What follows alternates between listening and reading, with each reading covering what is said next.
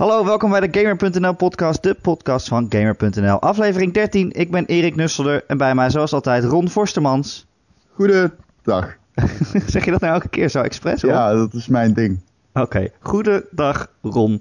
En uh, Joe, die is er nog steeds niet. Die is namelijk weer uh, bij de Grand Prix met uh, Max Verstappen. En ja. daar gaat hij naar auto's kijken, dus het zal voor hem wel hemels zijn. Maar uh, we hebben een gast uitgenodigd, want bij ons is aangeschoven geschoven de interim hoofdredacteur van Gamer.nl, Arthur Vliet. Hoi. Hey, uh, Arthur. Dankjewel voor dit uh, warme onthaal. Zo zijn ja, we. Fijn om erbij te zitten, jongens. Ja, gezellig. Dat, ja, dat al. Uh, tijd natuurlijk, hè? Ja, in aflevering ja, 13 al. aflevering, dan meteen het ongeluksgetal erbij. Dat het zal, het belooft veel moois. Jij had ook niet verwacht dat wij het zo lang zouden volhouden, hè? Wat is dit dan? Ik had echt verwacht dat jullie hier tot uh, aflevering 500 wel zouden komen. Dat geloof ik nog steeds. Ja, we houden hoop. Het zou kunnen. uh, Arthur, leuk dat je er bent uh, bij ons. Bij de Gamer.nl podcast. Elke maandag te vinden op onze website Gamer.nl. Daar kun je hem downloaden. Je kan hem ook luisteren via YouTube. Of je kan gewoon via iTunes je abonneren. En dan krijg je hem vanzelf op al je Apple producten. En als je daar toch bent, laat dan gelijk een sterren review achter. Want dan worden we weer beter vindbaar voor andere mensen. En dan kan je ook gelijk een berichtje achterlaten over wat je van de podcast vindt. Dus hartstikke leuk als je dat doet. De teller staat op 18. Erik. Oh echt? De ja, laatste keer 18. dat ik keek was het nog minder. Maar ja. oké, okay, hart, hartelijk dank voor jullie bijdrage. Uh, en het helpt ook echt, uh, zoals we vorige week zeiden. Want uh, we, kunnen echt, we staan echt weer in allerlei lijstjes. Dus we zijn beter vindbaar. Uh, normaal gesproken beginnen we altijd met het nieuws. Maar uh, Arthur, uh, aangezien het een speciale gelegenheid is dat jij hier bent, wilden we met jou even praten over hoe het met de site gaat met Gamer.nl. Want we krijgen natuurlijk veel berichten dat er af en toe wel eens iets stuk is of langzaam laat. En jij bent af, eigenlijk... Af, af en toe, je mag best zeggen, dat het, het gebeurt te vaak. Ja. We zijn natuurlijk in maart Gamer Phase 6 gelanceerd.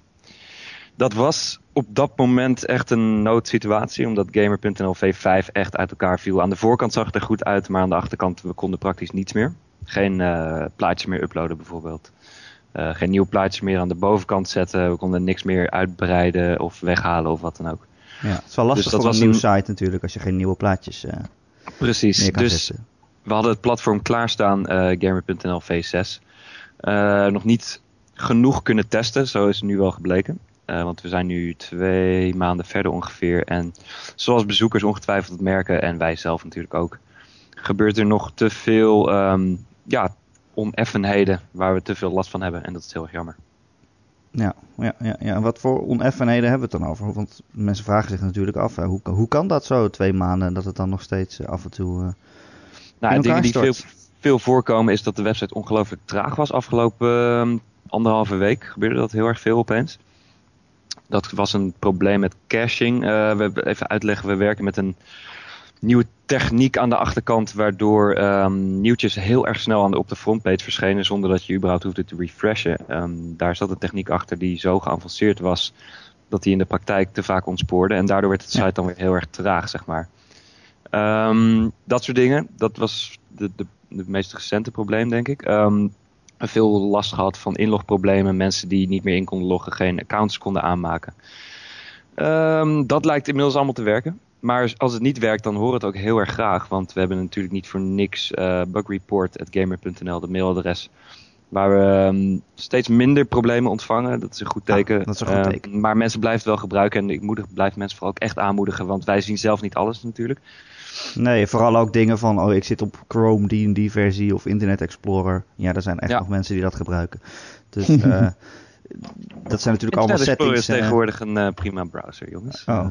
ik gebruik hem ook niet overigens. Nee. maar ja, er zijn natuurlijk allerlei settings die wij niet allemaal na kunnen maken. Dus dan is het wel handig. Los, uh, los daarvan moet Gamer.nl op elk platform werken. Ja, uh, of het nou mobiel, tablet of wat voor browser dan op je PC dan ook is. Uh, of Mac of weet ik veel wat.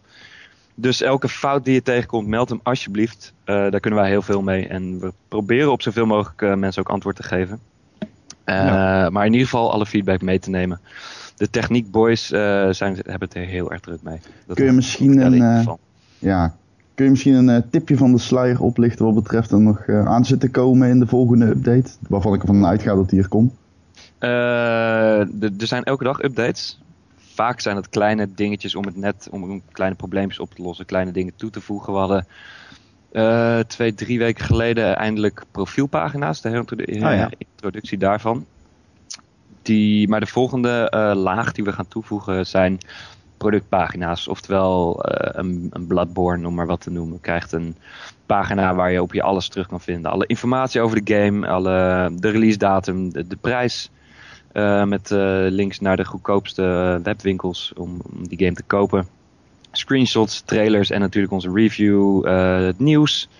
Eigenlijk alles wat je daar, wat je rondom een game kan bedenken, dat komt terug op zo'n productpagina. Dat hadden we vroeger al in een wat uitgekledere vorm, maar nu hebben we er echt werk van gemaakt om er één groot overzicht. Want als je op die pagina zit, dan weet je gewoon alles over de game. Kijk, vet.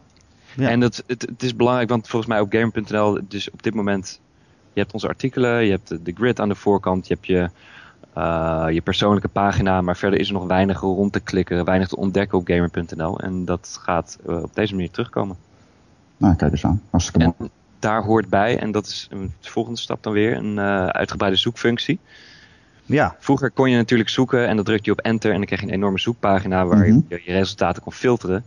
Nou, dat uh, is nu verdwenen. Het is alleen live zoeken en dat werkt prima. Maar als je echt heel specifieke dingen wil weten, of, of een review van acht jaar geleden van, uh, weet ik veel wat voor gamer acht jaar geleden uitkwam, um, Uncharted 2 of zo, dan, dan is het moeilijk om daar echt specifiek uh, een preview of een review of wat voor artikel dan ook op terug te vinden.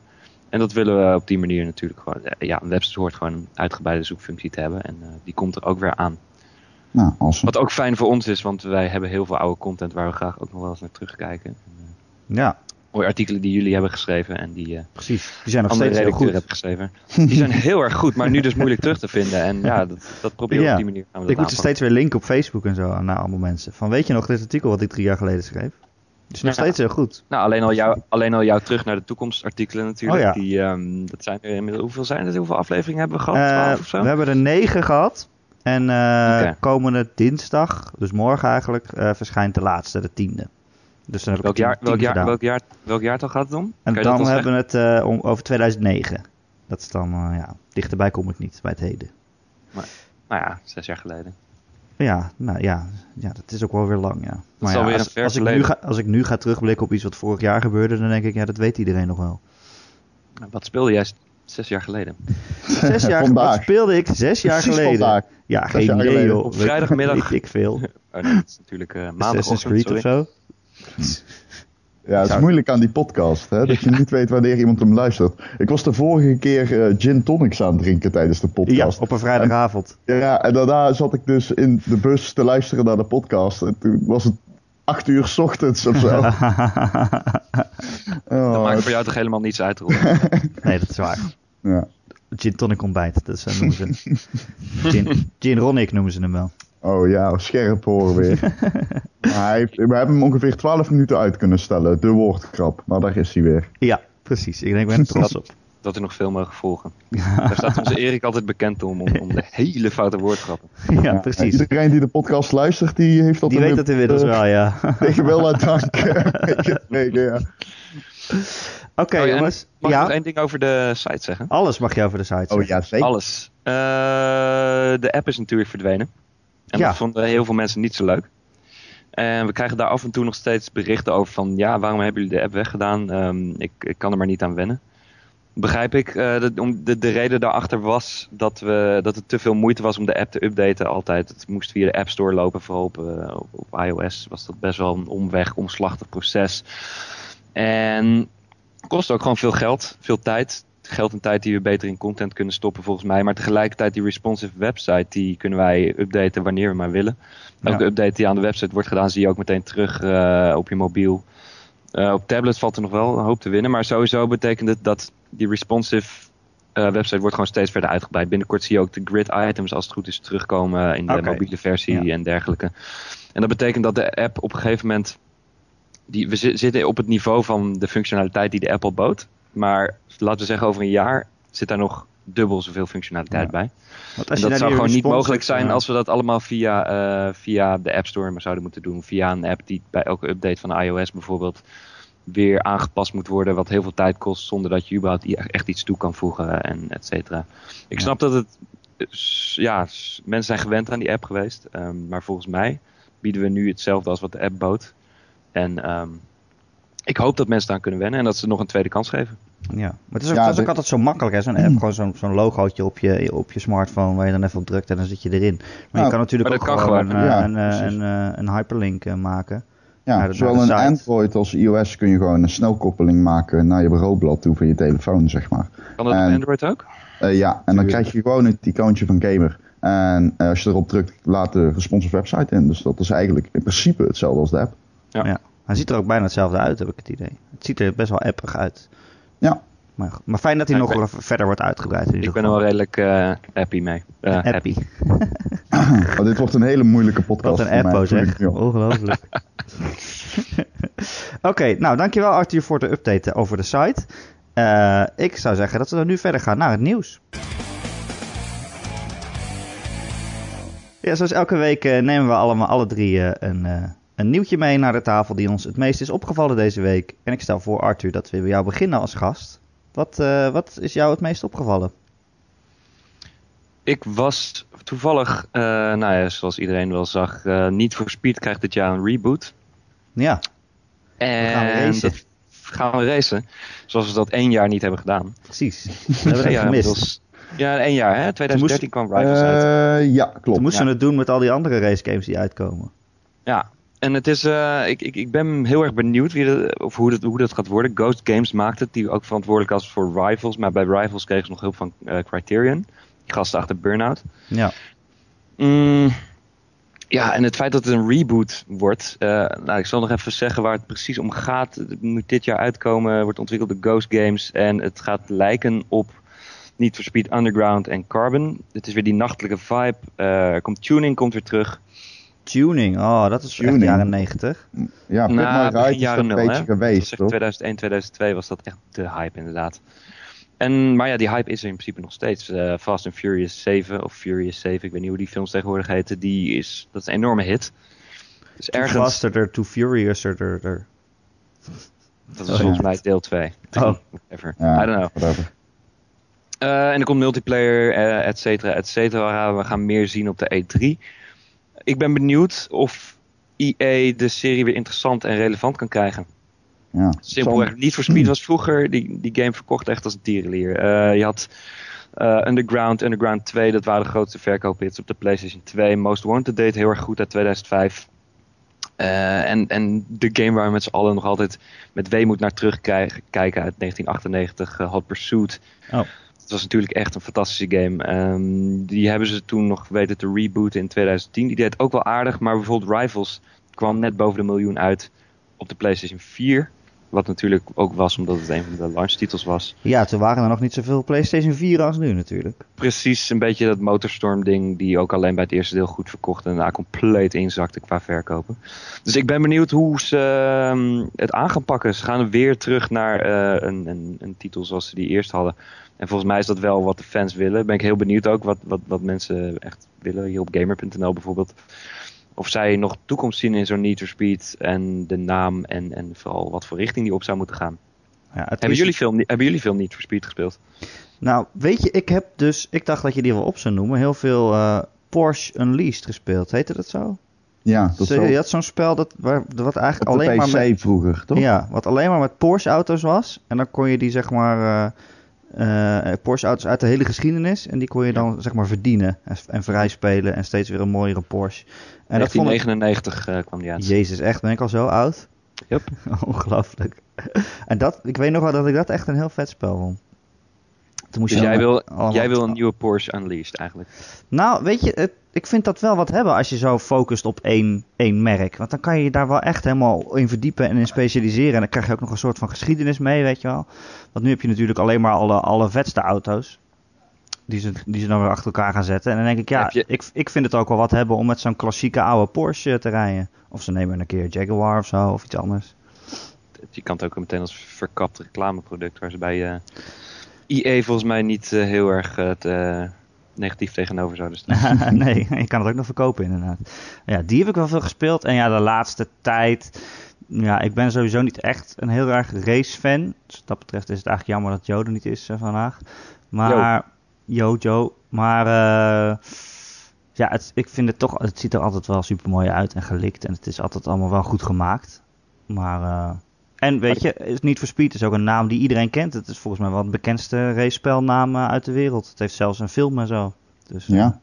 Uh, Gran Turismo is, denk ik, nou, verkoop, bij, verkoop, verkoop dat ding nog, dat is echt de verkoopklapper geweest. Althans, tot aan ja. Uh, Gran Turismo 5 deed die game het echt, echt heel erg goed. Ja, maar dat staan wel weer alleen op de Playstation. Hè? Dat is, uh... Ja, precies. Ja, maar volgens mij is de Need for Speed de kern van de serie sinds, um, sinds Hot Pursuit en Underground is altijd dat illegale geweest. Dat had je minder in die ja. eerste paar delen van, uh, had hij nog door Infogrames? Kan wel, maar uh, later is het echt, dat illegale circuit, dat, dat hoort er echt bij. En ze gaan terug naar de nacht, dat is tof. Ze hebben toen op een gegeven moment nog echt allerlei dingen geprobeerd met die serie. The Run kwam uit met allemaal verhaal ertussen. Oh ja, jezus, ja. Quick was toch door een of andere regisseur ook uh, gemaakt toen? Er zal vast een of andere regisseur aan het hebben gezeten. dat, dat was die eerste game die ze toen op die Frost, Frostbite engine hadden gedaan en zo. Um, maar juist doordat ze alle kanten op zijn geschoten, is het ook de ziel een beetje kwijt. En, en lijken, lijken mensen niet meer echt te kunnen we, weten wat ze moeten verwachten bij de serie. Dus ik, ik hoop voor de serie dat ze gewoon een heel duidelijk nieuw deel met een toffe setting weten neer te zetten. Wat tegelijkertijd ook weer de uh, fans van het eerste uur aanspreekt. En niet meer elk jaar met een nieuwe komen. Weet je wat ik me vooral afvraag? Wat is er in nou met Criterion gebeurd? Ja, dat is een goede, ja. Ik was altijd super fan van Burnout. Dan, ja. Veel meer dan niet voor Speed eigenlijk. Burnout Paradise uh, en zo. Ja, we, hadden, we hadden vorige week een reload van, uh, van Burnout Paradise van onze redacteur Thijs, die echt de grootste fan van die game is. En die game was ook echt heel erg tof, ja. ja. Een beetje ja. een cult hit is dat inmiddels door de jaren heen ook geworden. Ja, want ik weet dat die destijds niet gezien werd als zeg maar de, de, de heropstand van de serie, die het wel moest zijn volgens mij. Want het was een nieuwe richting. Het was een open wereld. Uh, terwijl ja. het was juist altijd lekker korte races waren Precies, en, ik vond dat super tof dat uh, uh, zeg maar deel 3 Takedown, dat was iets meer casual. Je, had, je kon allemaal met je auto zeg maar, tegen andere auto's aanrijden om ze te laten ontploffen, ja. tegen vangrail te laten. Dat was ook vet. Ja, dat was heel tof, maar het was een, heel casual. En toen kwam Paradise en toen was iedereen een beetje bang dat de serie zijn hele identiteit kwijt was. Dat is inderdaad een soort van cult dingetje geworden daarna. Maar we weten waar Criterion mee bezig is. Ja, maar ik, ja, ze hebben natuurlijk die game die toen op de E3 vorig jaar was dat geloof ik. Dat ze zo zeggen van hier zijn twee plaatjes van een helikopter en van een speedboot en van een jeep. En, en daar kan je allemaal mee racen. Maar volgens mij sinds die tijd is die hele studio zo'n beetje uitgekleed. En is iedereen naar, uh, naar een andere studio overgeplaatst. Ja, nou ik ben benieuwd of ze op de E3 er iets van... Uh gaan laten zien. Wat ze op de E3 vorig jaar lieten zien was een beetje zoals de hele E3 of IE persconferentie was. Hier zie je de vroegste van de vroegste beelden en uh, ooit ga je weer zien. En, oh ja, we maken een Mass Effect game en dit zijn drie grasprieten. Ja, de Criterion titel was een van dat soort uh, ja, dat precies, ja. We gaan het over twee weken zien. Spannend, spannend.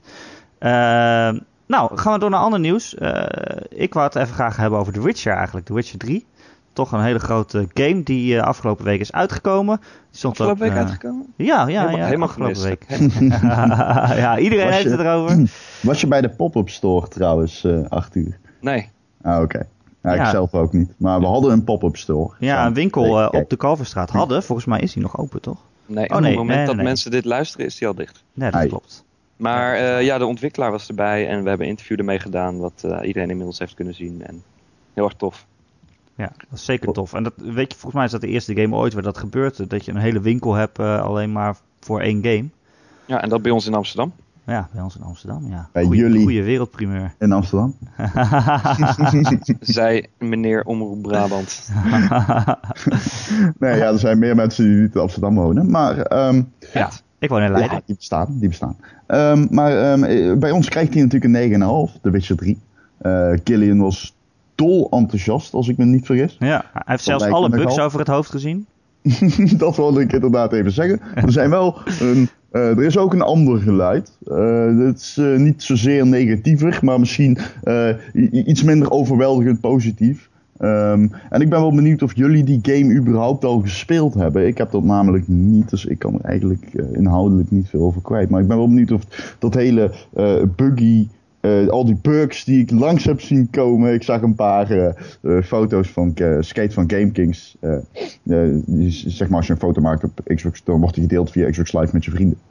Ik zag al een, paar, een paard door de lucht zweven, een paard in de grond zakken, een paard op zijn hoofd balanceren. Dat een zijn features, hè?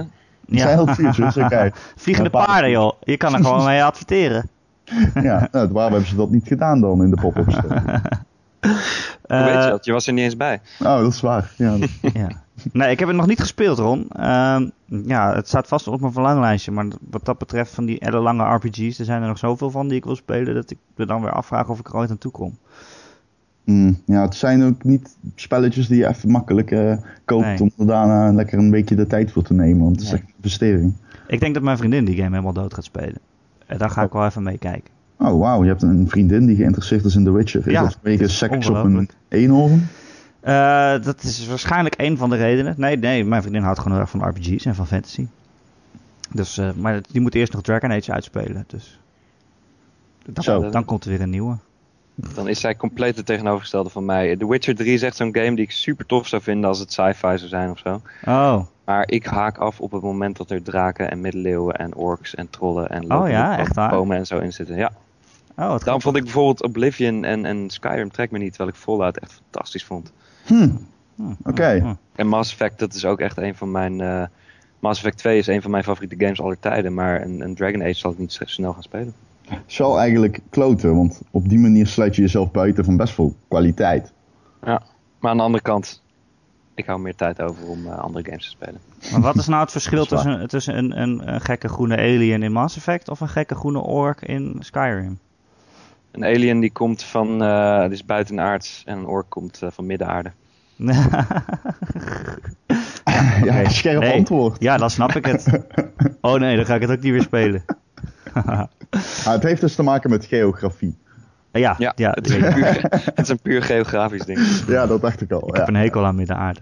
uh, maar uh, The Witcher 3, waar ik nog even met jullie over wilde hebben, is dat er namelijk veel commotie is over, uh, over de graphics van de game. Niet dat die nou super slecht zijn, maar toen ze de game onthulden in 2013, toen hadden ze een heel mooie trailer met uh, dat Geralt zo'n dorpje in komt lopen en overal zijn vuren en dat, die, die, dat, dat de rook, dat, dat wappert zo de lucht in en je ziet allemaal kinderen spelen. Uh, het zag er allemaal slik uit. En als je dan in 2015 dat spel speelt, zelfs op PC, dat het dan toch iets minder mooi is geworden. Of eigenlijk wel een stukje minder mooi. En uh, er zijn mensen die zich nu opgelicht voelen. Vinden jullie dat, uh, dat eerlijk? Um, het is moeilijk. De, de, de realiteit leert en de, de, recente historie leert dat mensen eigenlijk altijd met een kritisch oog naar eerste trailers moeten kijken. Weten we nog de um, aankondiging van de PlayStation 3? En Killzone. Killzone, 2 en Motorstorm, die twee games. Mm, ja, zeker. Die zagen er echt vet goed uit. Die, die trailers, vooral Motorstorm, dat, uh, dat verschil tussen die trailer en die game, dat is echt, echt immens. En volgens mij, ja, volgens mij is het elke keer komt deze vraag weer omhoog en elke keer is iedereen verontwaardigd. Maar telkens, volgens mij moeten we het gewoon accepteren dat ja, de eerste, de eerste trailer is mooi. Mensen worden enthousiast. Watch Dogs kunnen we ons nog ja, herinneren. Watch Dogs. Ja. Maar het is, dus niet zo dat, is het niet zo dat ontwikkelaars uh, zich een uh, onrealistisch beeld van de hardware voorhouden? En dat de Witcher al in ontwikkeling was toen de Xbox One en PlayStation 4 natuurlijk nog niet op de markt waren. Um, en dat zie je dus ook bij de voorbeelden die jij net noemt. Uh, Killzone 2 en uh, Motorstorm. En we hebben hetzelfde natuurlijk ook gezien inderdaad bij Watch Dogs. Um, is het niet gewoon een kwestie van dat ze dus er halverwege het ontwikkelingsproces achterkomen dat ze het gewoon niet waar kunnen maken, technisch gezien.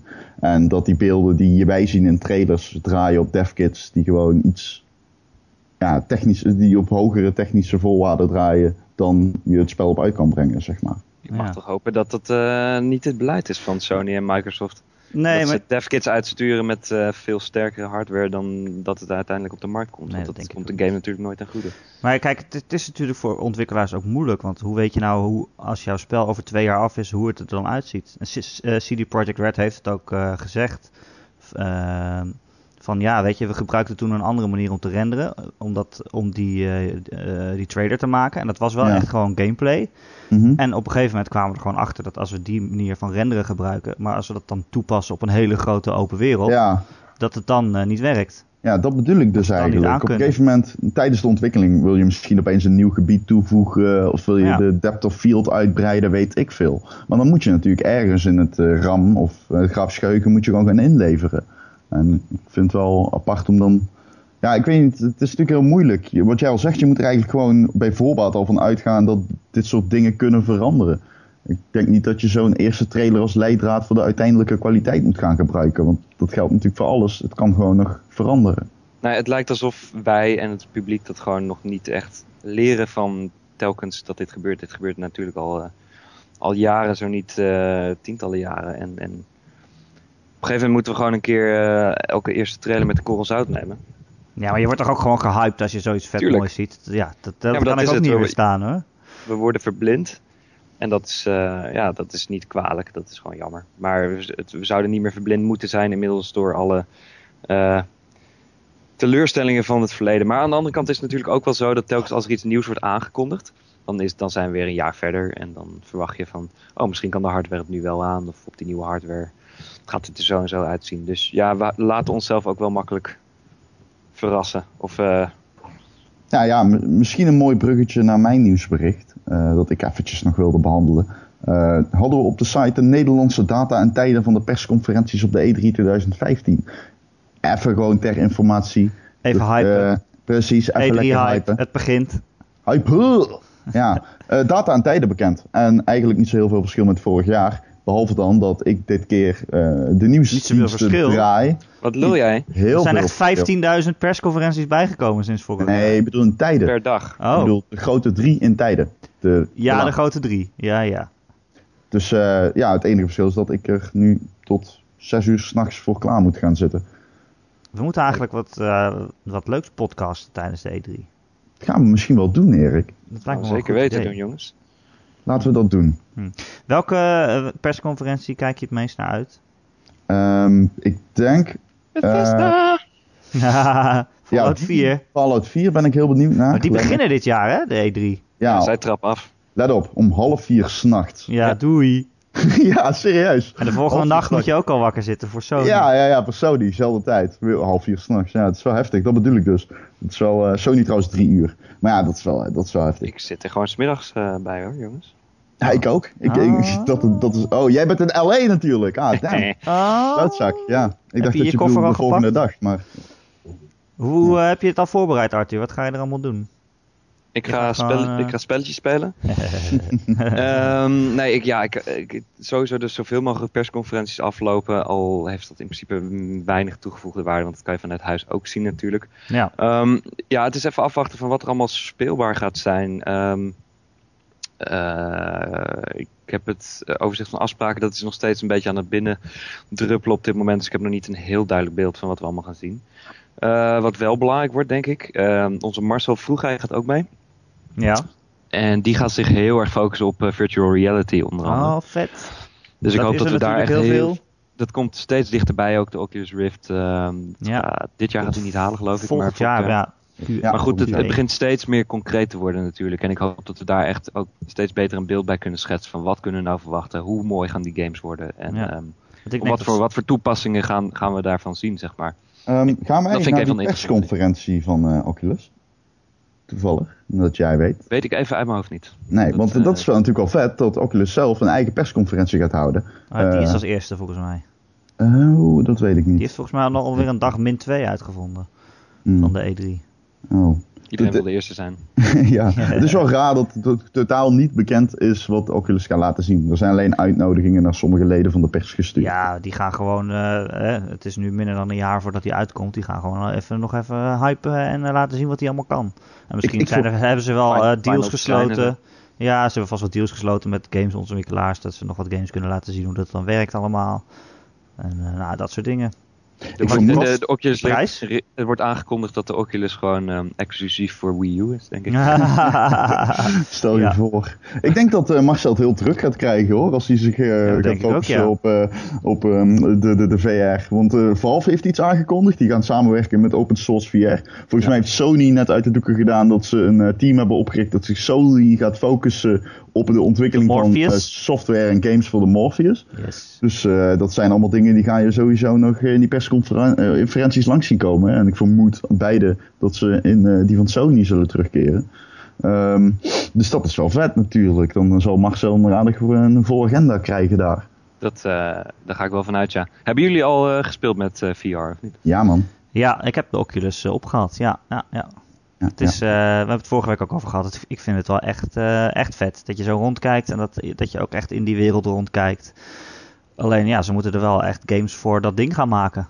En niet nou, gewoon Skyrim porten geef mij een racegame en, en ik ben klaar uh, ervoor. Ik heb Project Cars met die uh, VR gespeeld, met Oculus. En ja hoor, wat een, wat, een, wat een ervaring is dat. Ja? Ik reed, op, reed gewoon mijn eerste, ik reed weg bij de start.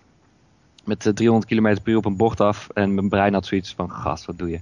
Waar slaat dit op? Ah, op een gegeven moment ben je eraan en je kijkt, je kijkt rond en je ziet, uh, je kijkt naar je benen die in de auto zitten en op die gaspedalen zitten te drukken. En je kijkt naar links en je kijkt naar rechts en je wordt verblind door de zon. En het is echt, Echt heel erg tof. Ja. Maar ja, ik denk niet dat het, het, het echte gaming gaat vervangen, toch? Het, is meer ja, het voor, werkt voor, voor sommige games wel, voor sommige niet, denk ik. Ja. Bovendien moet je je echt helemaal afsluiten. Dus je kan niet even lekker gezellig op de bank gaan zitten. In de bus? In de bus. Occubus. Occubus. Oh. Au. Wat dat betreft is de YOLO-lens een stuk beter, Ron.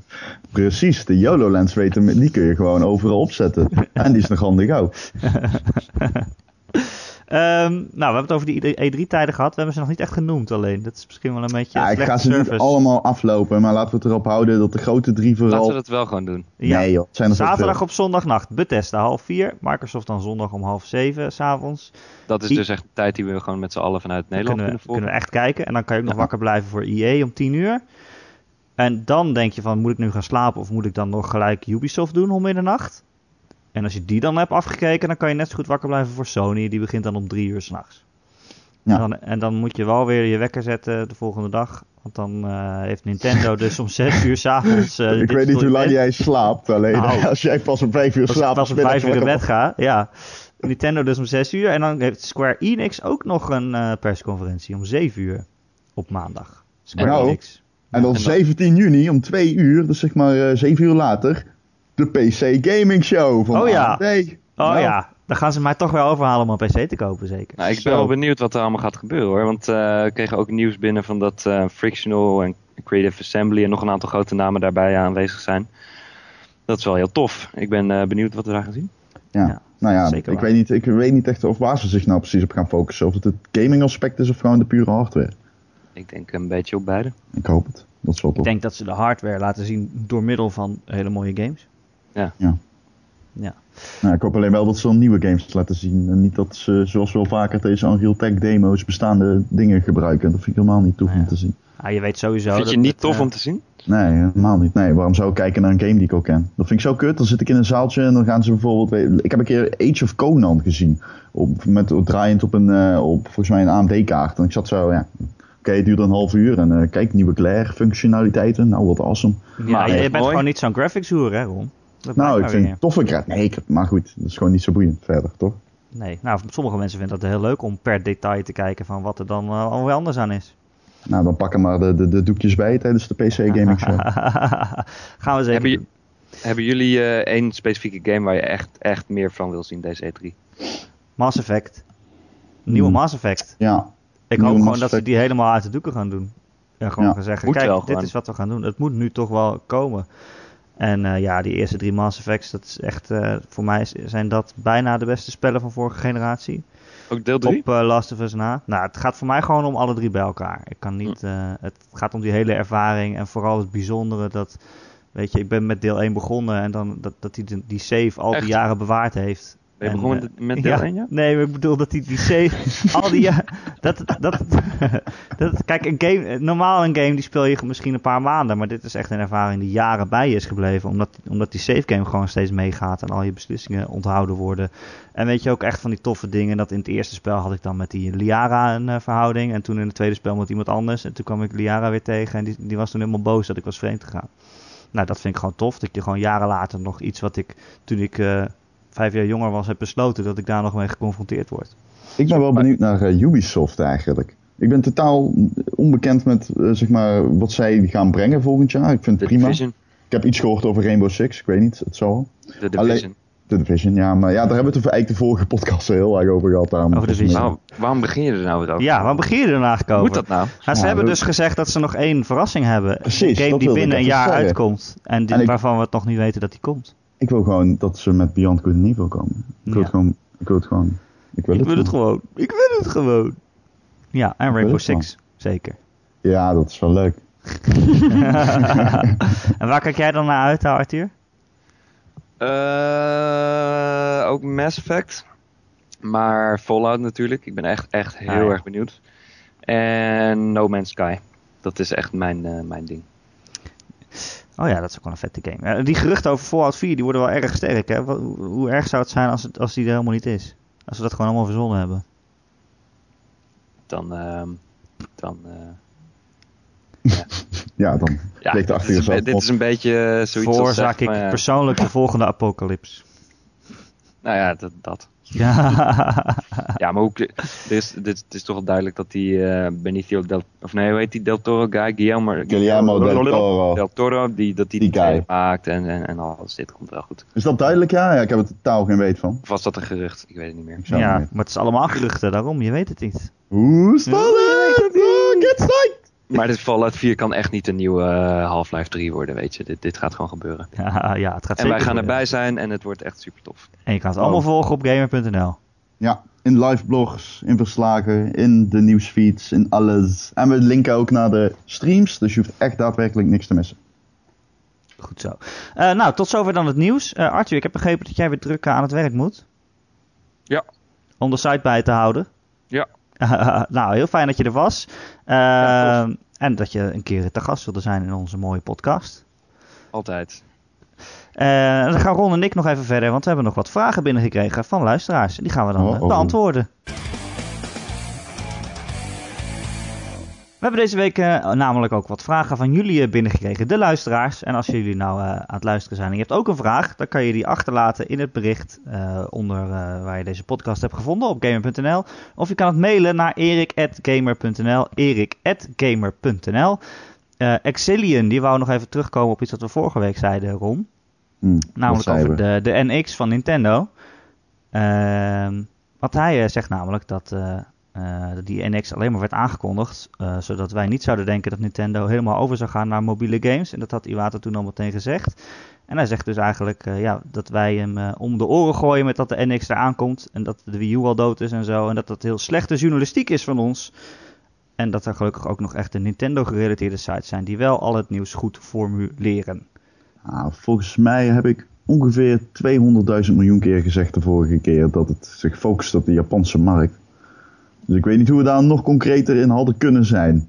Ja, ja, en ik wil er ook nog wat anders over zeggen. Namelijk, als wij al denken van... eh, waarom zou je nog een Wii U kopen als er een nieuwe console aankomt? Weet je, hoe eh, is de normale klant? Hoe kijkt die er dan wel niet tegenaan?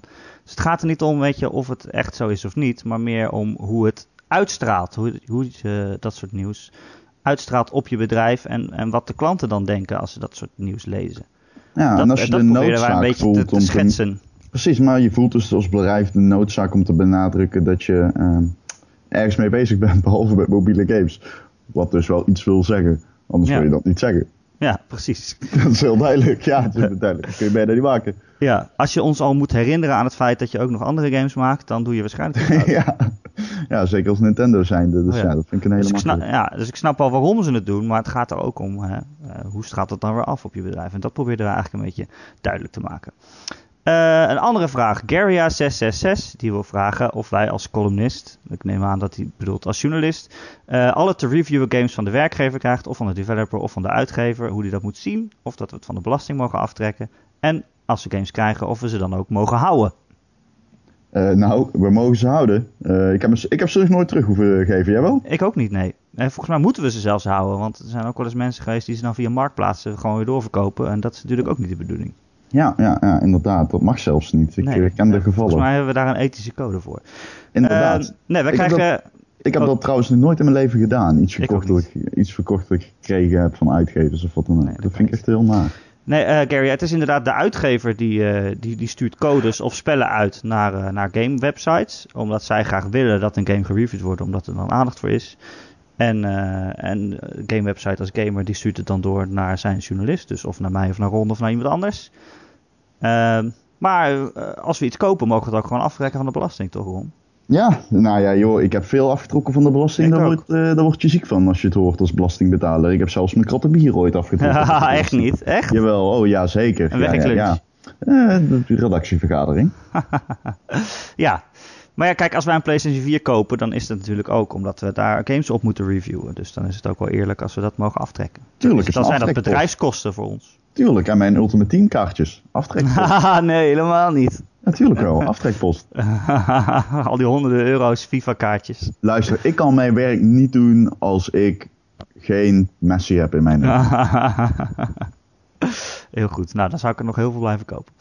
Um, Platina32 die heeft een mailtje gestuurd en die zegt... Nu PT van de PSN Store is verdwenen... zal het niet lang meer duren voordat niemand het spel ooit meer kan spelen... En dat geldt al langer voor de gamesindustrie. Heel veel games van vroeger zijn niet meer legaal te spelen tenzij een uitgever besluit om een remaster uit te brengen of iets dergelijks. En vinden wij dat een probleem voor de gamesindustrie? Omdat het bij andere media niet het geval is, zoals films of boeken. En zo ja, wat valt eraan te doen?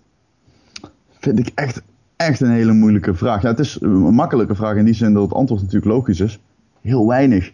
Daar kunnen we um, niks aan doen, nee.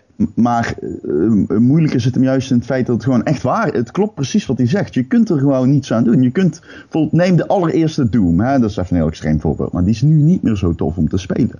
Maar hij was wel echt, ik bedoel, de allereerste Doom, dat is een, een grootheid in de industrie, weet je wel. Dat is Ja. een legende. Maar ja, je kunt hem niet meer spelen. Je kunt hem misschien in je flashbrowser spelen, maar het is niet meer relevant. Maar als je hè, Nosferatu kijkt, om maar even een, legendarische film te benoemen, die, die, die kun je wel gewoon overal kopen op DVD en HD remix en, en, en alles. Ik heb toch het gevoel dat bij gaming, omdat het zo technisch onderlegd is, dat eh, veroudering een veel groter probleem is. Dat is echt een issue. Ja, ja. Bijvoorbeeld muziek, nee muziek. Je kunt, eh, als je niet een plaat van Pink Floyd draait, dan is het nog steeds gewoon, dit is mesmerizing. Die shit is fucking vet. Maar Ja, ik denk ook dat het een bepaalde periode van games is waar we het dan over hebben, wat je eigenlijk niet meer kan spelen. Want als je juist NES games of SNES games neemt, van die sprite-based eh, spellen, die kun je heel goed gewoon nu nog spelen. Die zijn echt makkelijk, makkelijk te spelen hoor. Ja, daar heb je ook gelijk in eigenlijk. Ja, ja. Is eigenlijk die, die overstap toen we naar, E- naar de 3D gingen, wat Ja. we toen nog helemaal niet konden, dat het dan eigenlijk, eh, eigenlijk te lelijk en te slecht is om nog eh, te spelen. Ja, het, is, eh, het is gewoon heel. eh, het, eh, ja, dat is inherent aan de kwaliteit van videogames. Dus dat ze so- soms ook gewoon nostalgie en zo vertegenwoordigen. En, en meer, het is zeg maar minder dan het. Ja, kut, hoe moet, je dat dan zeggen? Het technische is eigenlijk inherent aan de kwaliteit van het spel bij videogames. En dat Ja. is bij muziek en films ook wel het geval, maar minder heb ik toch het gevoel. Omdat je dan nog ja, een hele goede verhaalvertelling en zo kan verschil maken, een vibe kan verschil maken. Maar ja, in een 2D-platformer is dat toch wat lastiger. Of in een, inderdaad, wat jij zegt, een, een shooter die zeg maar net, net in het begin van de 3D-periode is uitgekomen. Ja. Dat is gewoon lastig. Maar dan hebben we het over van of je iets nog kan spelen of dat met je speelbaar is. Maar Platina heeft het natuurlijk vooral over, hè, net zoals PT, dat is, was een digitaal product. En dat kon je dan downloaden. En, maar op een gegeven moment zegt de uitgever, nou dat digitale product, dat verwijderen we gewoon. Dus we doen gewoon alsof het niet meer bestaat. Dus straks kan niemand het ooit meer spelen omdat het gewoon verwijderd is. Ja. Dat ik vind het lastig, want dig- digitale gaming is juist een soort van manier om, om de historie eh, te behouden. En bijvoorbeeld oude games, als de eerste Final Fantasies, die kun je nu op de PSN-store downloaden. Terwijl misschien is je NES wel stuk en kan je het al lang niet meer spelen, weet je wel. Want consoles die gaan stuk. Dus op een gegeven moment is er geen werkende PlayStation 1 meer, weet je wel. NES'en gaan wat langer mee, maar PlayStation 1 met zo'n optische drive, die gaan allemaal stuk. Dus op een gegeven moment kan je je PlayStation 1 spellen niet meer spelen. En dan is het juist fijn dat er zoiets bestaat als digitaal. Dat je het kan downloaden en toch nog weer kan spelen. ja. Maar ja, weet je, als Sony failliet gaat, dan ben je wel al je PSN-spellen kwijt. Ja, ja het, dienst tussen, of, of, eh, het verschil tussen eh, een dienst en een product is dat natuurlijk. Hè? Ja. Dat is toch een beetje het ding. Maar dus eigenlijk zeg je altijd als je een digitaal een spel koopt, dan is dat altijd een dienst. Dus je loopt altijd het risico dat je het kwijtraakt. Ja, je koopt het aan, ik bedoel, het platform is een dienst. Dus ja, in die zin uh, is dat natuurlijk wel het geval. Ja, dat is natuurlijk wel waar. PSN is een dienst. Maar ja, pas als je het echt iets op disc koopt, dan ben je dus eigenlijk zeker van dat je het altijd kan spelen. Ja, zo werkt het natuurlijk met digitale media ten opzichte van de analoge variant. Kijk naar uh, wat er gebeurde met online. Toen online failliet ging, had iedereen zoiets van, ah, wat kut. Uh, ik ben andere games kwijt. Ja, uh, zag je het niet aankomen dan. Op het moment dat het platform failliet gaat, dan houdt het gewoon op. Ja. Ik bedoel, Dreamcasts die worden natuurlijk ook niet meer gerepareerd uh, door, door, uh, door, door, Sega. Nee, ja. ik niet. Je kunt het wel een keer proberen. ja. dat is gewoon dus done. Dat is helaas, maar dat is natuurlijk wel logisch eigenlijk. Ja, ja maar wat kunnen we eraan doen? Eigenlijk niet zoveel, hè? Behalve nee, maar ik heb er ook wel genoegen mee. Ik ben ook niet iemand die als een gamesel in de eeuwigheid wil houden. Ik ook niet. Ik ben ook niet echt iemand die heel vaak heel oude spellen nog een keer gaat spelen. Nee. Ik heb nee, ik vind niet het vaak vernietigend voor mijn nostalgie ook. Ja. ja. heb je dat niet? Ja. Ik vind dat jammer, want als ik die, re ik bedoel, die reloads, dat zijn artikelen die heb ik echt maar zelden geschreven, omdat ik het kut vind om in mijn nostalgie te duiken. Dat is altijd een beetje pijnlijk. Hmm. Nou, die hersenen is goede, veel toffer. Moet je gewoon een goede games uitkiezen.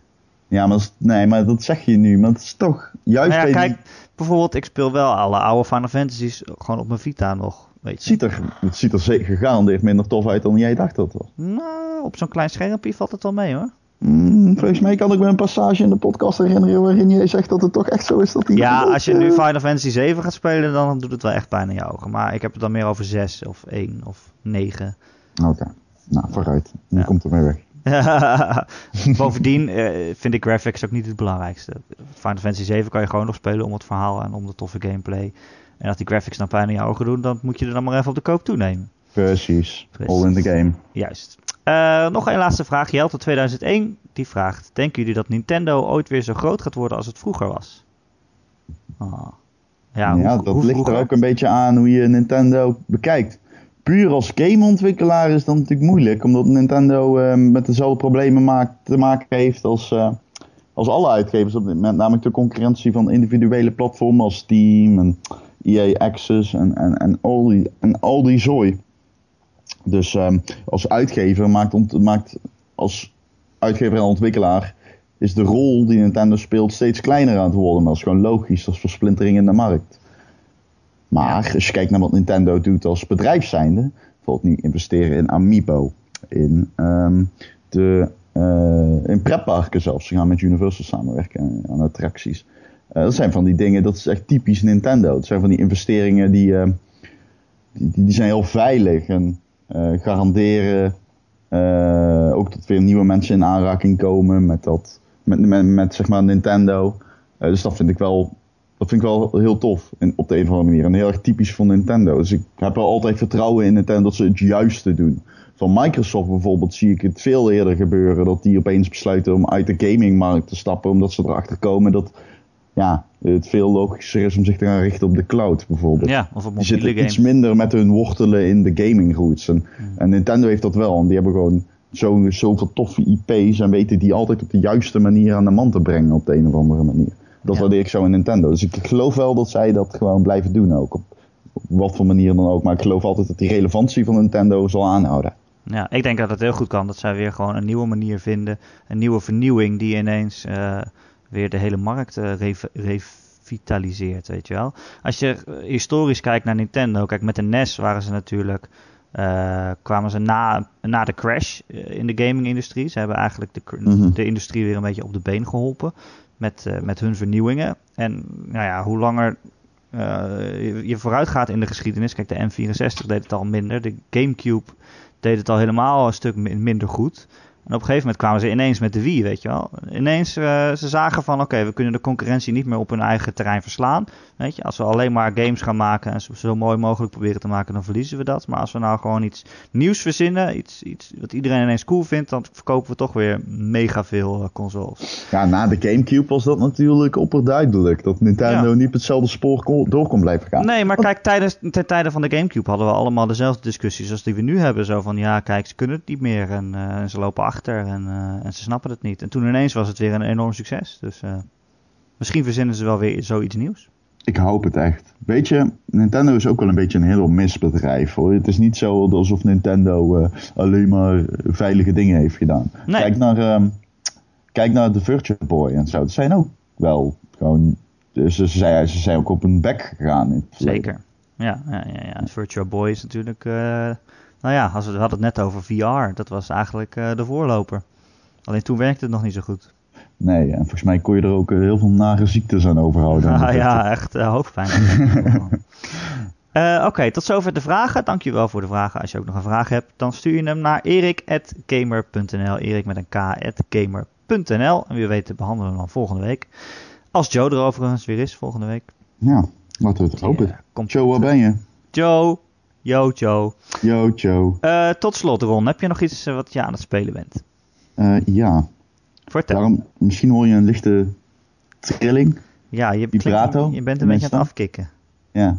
Ik, uh, ik, ik, ik, speel weer Destiny. Oh. House of Wolves. En het heeft mij in mijn macht.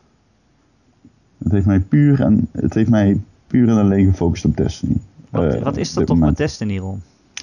Ik weet niet, maar het is goedkoper dan crack en cocaïne. nee, het is een echt. weet je wat het is? Ik, ik, ik val gewoon heel erg voor de charmes, voor, voor dat spel, zeg maar. Ik vind het zo tof. De, de combat is tof. De, de infrastructuur tussen PvE en PvP vind ik heel tof. En ja, nu heb je weer. Uh, nu is eigenlijk met de DLC is weer een beetje de oude content gedevalueerd. En uh, moet je er weer tegenaan om op uh, de. Ja, om zeg maar in de, de, de, de hoogste gelederen van het spel te raken weer. En dat betekent dus dat je heel, heel, heel veel moet grinden. Je moet weer heel veel spelen. ja, ja, nee, het is uh, tof. En kijk, de nieuwe DLC is een soort van mengelmoes aan besta nieuwe en bestaande content. Het, het komt met heel veel. er is een nieuwe social space, vier nieuwe verhalende missies, een nieuwe strike missie. Het enige dat eigenlijk wat je van kan zeggen, nou, dat had er wel in mogen zitten, dat is een nieuwe raid modus. Dat is jammer dat die er niet in zit, maar er staat er tegenover dat er een nieuwe PvP en een nieuwe PvE modus is. De Prison of Elders en de Trials of Osiris. Dus dat is eigenlijk wel heel tof. Ja, ze blijven maar gaan. Gewoon. Ja, en heb je dan al je vrienden weer overgehaald om dan ook weer mee Destiny te gaan spelen? Correct. Iedereen was gestopt. Um, dat was destijds ook de reden dat ik uh, gekapt was met Destiny. Omdat ik gewoon niemand meer had om mee te spelen. En in je eentje was het toch een beetje een droevige aangelegenheid in, uh, in de wereld van Destiny. Maar nu is dat weer helemaal rechtgetrokken. En zitten we inderdaad weer op de bank uh, vanavond met z'n drieën naast elkaar om uh, ja, de, in dat geval de Trials of Osiris en de, um, de, de Prison of Elders te doorlopen. Ja. Denk je dat het nou altijd zo gaat? Dat, dat, uh, dat er een nieuwe DLC komt en dan ga je het weer heel veel spelen en dan op een gegeven moment haken er weer mensen af en dan komt er weer een nieuwe DLC en dan ga je ik dat zal je spelen. vertellen, ik ben nu de recensie aan het schrijven en die komt er dus in terug. Het is um, de, de, de soort van de, de, de ja, complete... Oh. Sorry? De bel gaat. De bel gaat, dat is mijn, uh, mijn telefoon, pardon. Oh. Uh, zeg maar, het shooten komt niet zonder het bittere in Destiny. Dat is wel heel erg jammer. Hé hey, jongens, dit is even rustig zeg. Liefst zeg, ik probeer een podcast op te nemen. Um, het shooten komt niet zonder het bittere. Het is zeg maar, je, hebt constant die push aan nieuwe content nodig. Omdat je zonder eigenlijk gewoon niet staat om voor te spelen. Nee, precies. Maar dat betekent dus ook dat de oude content minder waard is. Uh, dus het is heel ironisch, omdat je elke keer als er iets nieuws komt, op zoek moet gaan naar het nieuwe en het oude dan opeens weer gedevalueerd wordt. Ja. En dat is in House of Wolves minder het geval dan in de vorige, uh, in The Dark Below. Daar kwamen opeens echt zoveel uh, nieuwe dingen om de hoek kijken, zoals het, een ander upgrade systeem en nieuwe wapens en je raid armor was niks meer waard. Waardoor het echt opeens zo was alsof je gewoon al die uh, oude gear gewoon weg kon flikkeren. En ja, het was gewoon, je had er gewoon bijna helemaal niets meer aan. Dat doen ze in deze uh, DLC veel beter. Ze zorgen gewoon dat je met één material kun je alles upgraden naar het hoogste level. Uh, dus ook je armor die gewoon voorheen useless was, kun je nu upgraden. En dan is die weer helemaal relevant. Dat was natuurlijk een beetje het probleem. En Destiny liep iedereen in diezelfde raid armor door het spel. Omdat dat gewoon de hoogst haalbare armor was. Ja, en die okay. garandeert het hoogste level. Uh, dus dit resulteert eigenlijk zeg maar in minder ja, cosmetische minder eenheidsworst. Ja, ja. ja, Je, kan, je kan echt zeg maar je eigen dingen samenstellen. Ja, en uh, ik vind het uh, eigenlijk, als ik heel eerlijk ben, heel moeilijk om hier een oordeel over te vellen. Omdat ik toch wel een beetje het gevoel heb dat Bungie spelers uitkleedt. Het is het, op de een of andere manier het is gewoon niet klantvriendelijk om nu weer met DLC te komen. En de wetenschap dat die over een half jaar er weer komt. En dat het dan weer allemaal useless is. Ja. Het is toch een beetje kut of zo. Het, het is gewoon heel wrang. Maar je krijgt wel een half jaar, of misschien wat minder, maar speelplezier voor dat geld. Ja, ja. en dat is dus eigenlijk wel prijzenswaardig. Uh, met alles, spel met wel in zo. één klap relevant. Ja, maar in het geval van Destiny, omdat je zoveel uren insteekt, heeft het toch een bittere nasmaak. Ja, ja. Het is niet als in uh, bijvoorbeeld niet voor Speed waarin je 30 nieuwe auto's krijgt. Dan heb je ook nog de oude auto's. die zijn nog steeds tof. En dat zie je toch iets minder. maar ik moet wel zeggen, wat ik al zeg, vanwege dat je in één keer up kan graden, dat, ja, dat is iets vergeeflijker. het is, ik heb het idee dat het altijd zo is met Destiny. Dat er altijd heel veel mensen op zitten te zeuren. Maar dat ze het dan wel allemaal de hele tijd blijven spelen. Ja, iemand die Destiny niet gespeeld heeft, maar er wel kritiek op heeft, weet echt niet wat die over praat. Dat is echt nee, dan, dan, vraag ik het ook aan je. Maar er zijn ook heel veel mensen dus die het wel spelen en dan zeggen van ja, dit is kut en dit is kut en ik vind dit kut. Maar dan wel de, blijven spelen, weet je wel, omdat het gewoon verslavend is. Ik raad iedereen aan die daar een mening over heeft om de column van Simon Zeilemans te lezen. die, die is echt serieus, dat is briljant. Want hij zegt precies het sentiment dat hij, dat volgt hij zo goed, zeg maar, dat sentiment dat onder spelers leeft. Het is zo moeilijk om die game uh, lief te hebben zonder hem te haten. ja. oh ja, ja, ja, ja. Je kunt die game. Je het kunt... is een haat-liefde verhouding. Ja, hetzelfde met FIFA, weet je wel. Eh, een 4-0 is niet zwaar als je de wedstrijd daarvoor niet met 5-0 eh, zeg maar verloren hebt. En mhm. FIFA kan de agressie gewoon tot een, een, een kookpunt tillen. Maar dat maakt de, de upstand ook weer des te groter. Ja, ik snap het. Maar je bent er dus weer helemaal in. Hoe lang ga je dat nog volhouden, denk je, Destiny? Dat is lastig om te zeggen. Ik moet zeggen, er zit dus de Prison of Elders modus in. Uh, dat is wel echt heel tof gedaan. Het is een pure competitive modus die echt serieus op het puntje van je stoel houdt. Gewoon helemaal gefixeerd op die game. Uh, eh, 3 tegen 3, je hebt maar één leven. En je moet zoveel mogelijk wins achter elkaar stekken om goede gear te krijgen. Um, ja, dat, dat, ik moet wel echt zeggen, dat hebben ze heel slim gedaan. Daarmee is PvP in één klap weer super relevant geworden. Want daar kampte Destiny wel nog een beetje mee. Dat PvE uh, heel erg ondergeschikt was, of PvP ondergeschikt was um, uh, voor de PvE. Uh, in PvE krijg je beter loot, betere wapens en, en, en armor. En nu is dat met de PvP-modus uh, helemaal rechtgetrokken. Competitive zit er weer helemaal in. Hm. En als je houdt van, van een beetje spanning, dan kun je echt je lol niet op in die mode. Dus ik heb hem al nu één potje gespeeld. En het deed me echt denken aan gewoon, zeg maar, de, de, de ranked play in Counter-Strike. Het is echt dat soort spanning is het. Heel tof gedaan. Nou, vet. Ik heb, ben weer iets heel anders aan het spelen deze week. Namelijk Not a Hero. Oh ja. Ja. Tof. Ja, het is echt heel tof. Het is wel weer iets heel anders. Het is een, een indie game met pixel art. van de makers van Olly Olly, weet je wel, dat skateboardspel. Ja.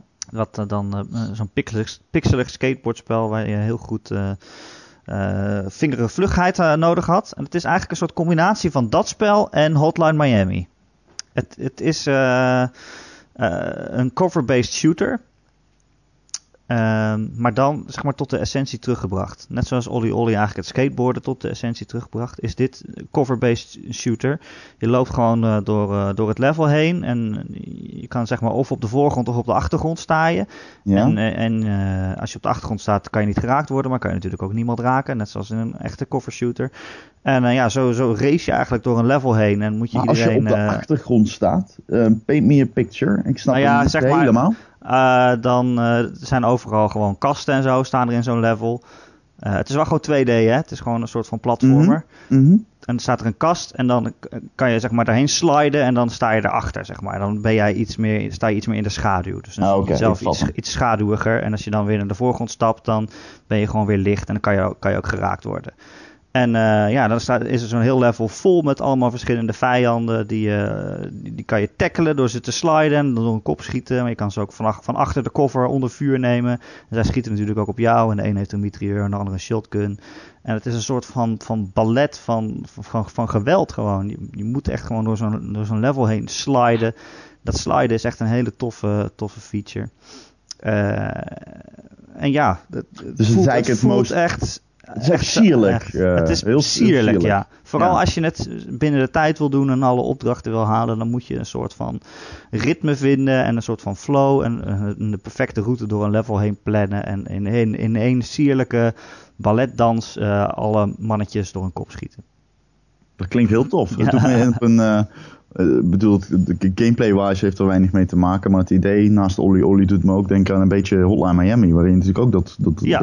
Combo-systeem hebt en dat sierlijke. Precies wat ik zeg. Het is een, een, een combinatie tussen Olly Olly en Hotline Miami. Ja.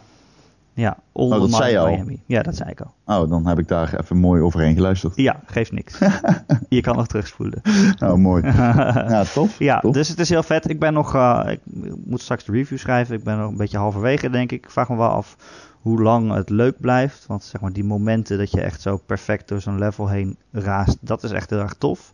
Maar het een beetje uitvogelen en twintig keer opnieuw doen, hoe die route dan precies is, die zo perfect is, dat is dan weer minder leuk. Dus... Uh, uh, het komt op Steam uit, denk ik. Op Steam en ook op allerlei consoles. Ah, kijk. En op Vita en weet ik veel waar. Heb jij Olly Olly gespeeld? Zeker, Olly Olly en Olly Olly 2. Kijk. En Olly Olly 2 vond ik briljant. Ik heb de review ook gedaan, daar heb ik een 9 gegeven. Kijk, vet hè? Uitstekend. Ja, het gewoon uh, een hele andere kijk op, op skateboarden was dat. En je moest het jezelf ook echt aanleren. Het was een heel andere besturing. Die pookjes moet je dan zo ronddraaien en en dan pas spring je en dan moet je in de lucht nog een keer ronddraaien. En dan precies als je landt ook weer op een knop drukken. Heel erg met timing heeft het te maken. Maar ja, die komt dan in een soort van flow. Die heel moeilijk om te omschrijven is. Maar die, ik heb, uh, voordat ik hem speelde zag ik de trailer. En dan komt die game totaal niet uit de verf. Je moet hem spelen. Het draait om de flow en het, de, letterlijke feel van de besturing.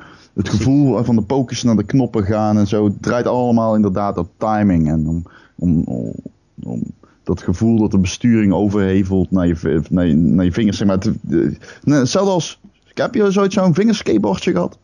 Een vingerskateboardje? Ja, zo'n echt ding. klein. Die ja, je zo met je vingers... Uh... Ja, ja, ja. Dat is zo. Op een gegeven moment dan leer je zeg maar, dat je ollies kunt maken. En, uh, kickflips met je, met je vingerskateboardje. En dat is ook een beetje dat, dat, gevoel. Wat, het ziet er super lullig uit, maar het is ontzettend tof om te doen. Ja, en in 2 ook kon je meer dan ooit uh, gewoon het hele level in één combo doen, weet je wel. Als je dan op de grond landt, dan doe je een manual, dat je zo op één ja, wiel doorglijdt. en dan één door. Je moet eigenlijk één combo het hele level doen. En als het niet lukt, dan doe je weer restart. Dat komt trouwens ook gewoon in Tony Hawk, hè? Ja, ja, zeker, zeker, zeker. Ja, sinds Tony Hawk 2 al, volgens mij. Ja, de manual. Ja, ja, ja. Of de reverse manual. Oh ja, en dan gewoon uh, die hele run van twee minuten lang één combo doen. Mm. Mm, prachtig. Dat, uh, dat, dat is mij nooit gelukt. Nee? Nee. Oh, joh. Nee, op de, op de Game Boy Advance uh, wel. Maar toen, kon je heel lang blijven grinden. Dat was eigenlijk heel saai. ja, je moet wel balans houden. Ja, nou dan blijf je gewoon stoeptegels af, en trottoirbanden afgrinden tot je het einde van, van die twee minuten gehaald hebt. Precies, nou, een dat is wel weer een beetje te makkelijk. ja. Oké, okay, nou ik denk dat we kunnen afronden Ron. Dankjewel dat je er was. Ja, jij ook bedankt dat jij was. en nogmaals, nogmaals bedankt aan Arthur natuurlijk. Ja, Gamer.nl podcast kun je elke maandag downloaden op onze site gamer.nl. Of je kunt hem luisteren via YouTube. Of uh, abonneren op iTunes. En als je daar dan bent, laat dan alsjeblieft heel graag. Dankjewel. Ook een review achter een sterrenrating. Want dan zijn we weer beter vindbaar voor alle nieuwe luisteraars. En dan kun je ook achterlaten wat je ervan vond. En wat we beter kunnen doen. Ja. Schroom het niet om ons uh, eens goed uh, af te zeiken. Of de hemel Enterprise. Ja, mag niet allebei. te veel natuurlijk. niet te veel. Ron heeft al een heel groot ego. Zo. Past bijna niet in zijn Opel Astra. Tot volgende week. Tot volgende week, jongens.